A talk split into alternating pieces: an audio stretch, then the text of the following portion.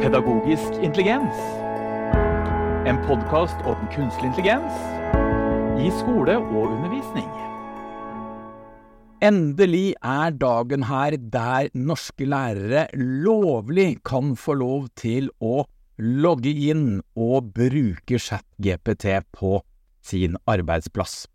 Ja, dette var jo en liten sannhet med modifikasjoner, for den store nyheten som jeg nå slipper i denne episoden hvis du ikke vet det fra før, det er at søketjenesten Bing fra Microsoft Det er sikkert mange som har prøvd seg på den i løpet av året i forhold til å logge inn med sin private Microsoft-konto og fått tilgang til bing.com og denne knappen som heter chat, som du finner som en blå snakkeboble oppe til venstre.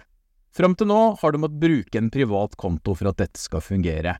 Nå endelig så kan du jobb, logge deg inn med Microsoft 365-kontoen din, altså feide-inn-loggingen din, fra jobben hvis du er lærer i Norge og hvis institusjonen, kommunen, fylkeskommunen din har tilgang til Microsoft, og det er det store, store flertallet i Norge, så kan du nå logge inn med jobbkontoen din, og du kan endelig lovlig få lov til å bruke ChatGPT, som er det verktøyet som ligger bak tjenesten bing.com.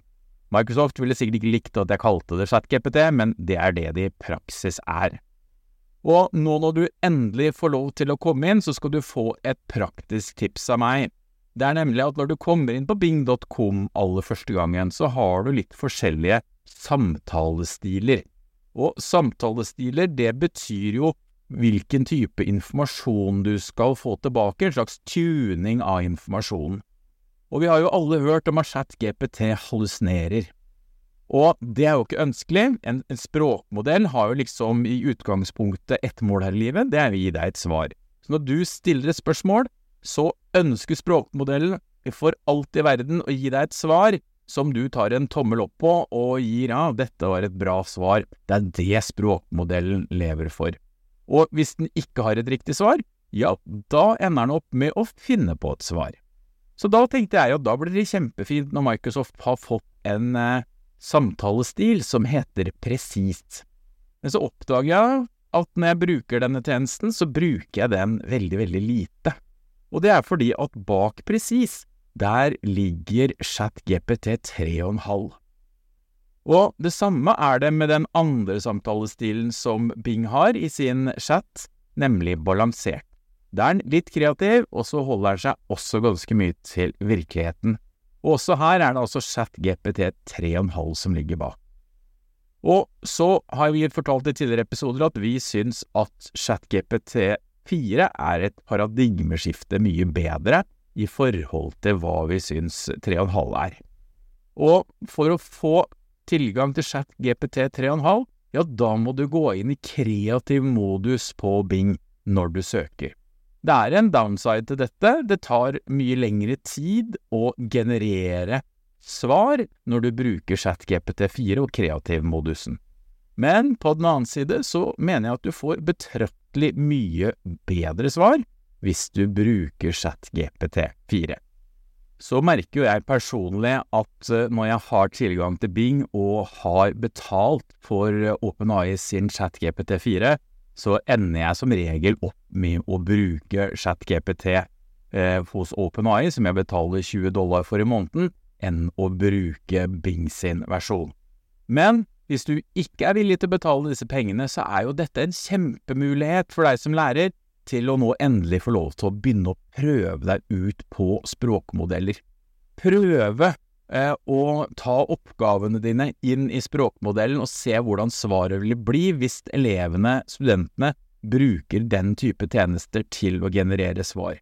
Jeg vil absolutt utfordre deg til å prøve å få hjelp til å lage faginnhold. Jeg vil eh, utfordre deg til å be ChatGPT gjennom Bing lage oppgaver, lage multiple choice-spørsmål. Her er det veldig mange spennende muligheter, og ikke minst hjelpe deg til å lage undervisningsopplegg, kanskje innenfor områder som du ikke har som din sterkeste del av din faglighet som lærer. Så endelig, klar, ferdig, gå, vær så god, begynn å bruke Bing, alle sammen. så har vi en annen stor nyhet som også kom den siste uka. Og det er at Universitetet i Oslo de har utviklet noe de kaller for GPT-UiO. Og hvis du som student eller ansatt på Universitetet i Oslo går på gpt.uio.no, så vil du få tilgang til denne nyutvikla språkmodellen som Universitetet i Oslo tilbyr sine ansatte og studenter.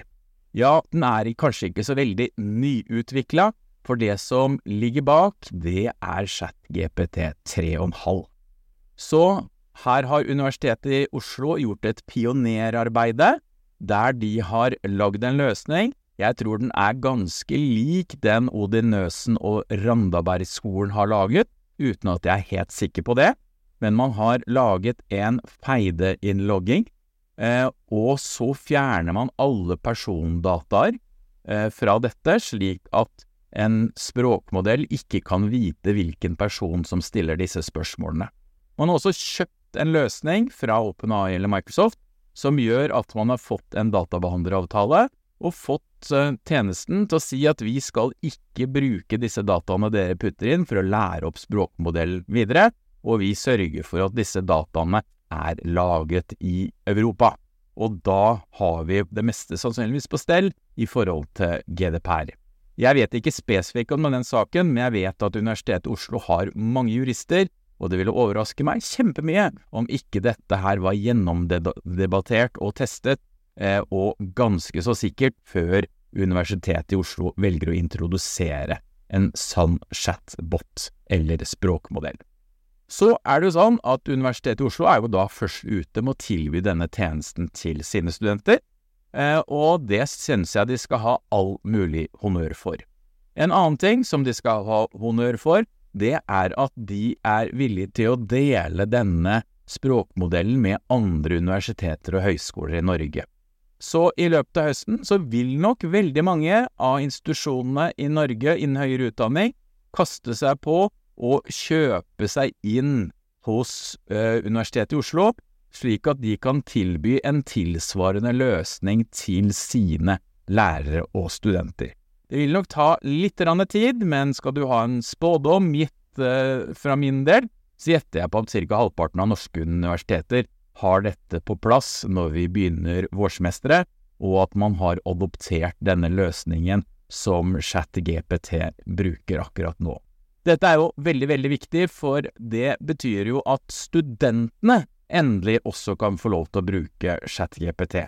Som vi snakket om i den første saken, så kan jo nå lærere få tilgang til ChatGPT gjennom Bing, men Bing kommer ikke på en god tid ennå å tilby dette for norske elever og studenter via eh, en pålogging med feide og brukernavn og passord fra en institusjon i Norge. Så denne løsningen som UiO har utviklet, eh, GPT-UiO, blir sannsynligvis den første løsningen som kommer ut til norske studenter. Kjempe, kjempegod nyhet, tenker jeg det, spesielt for studentene og for lærerne i høyere utdanning og for lærerne i grunnskolen. Nå venter vi bare på en tilsvarende løsning for alle norske elever. Vi er utålmodige.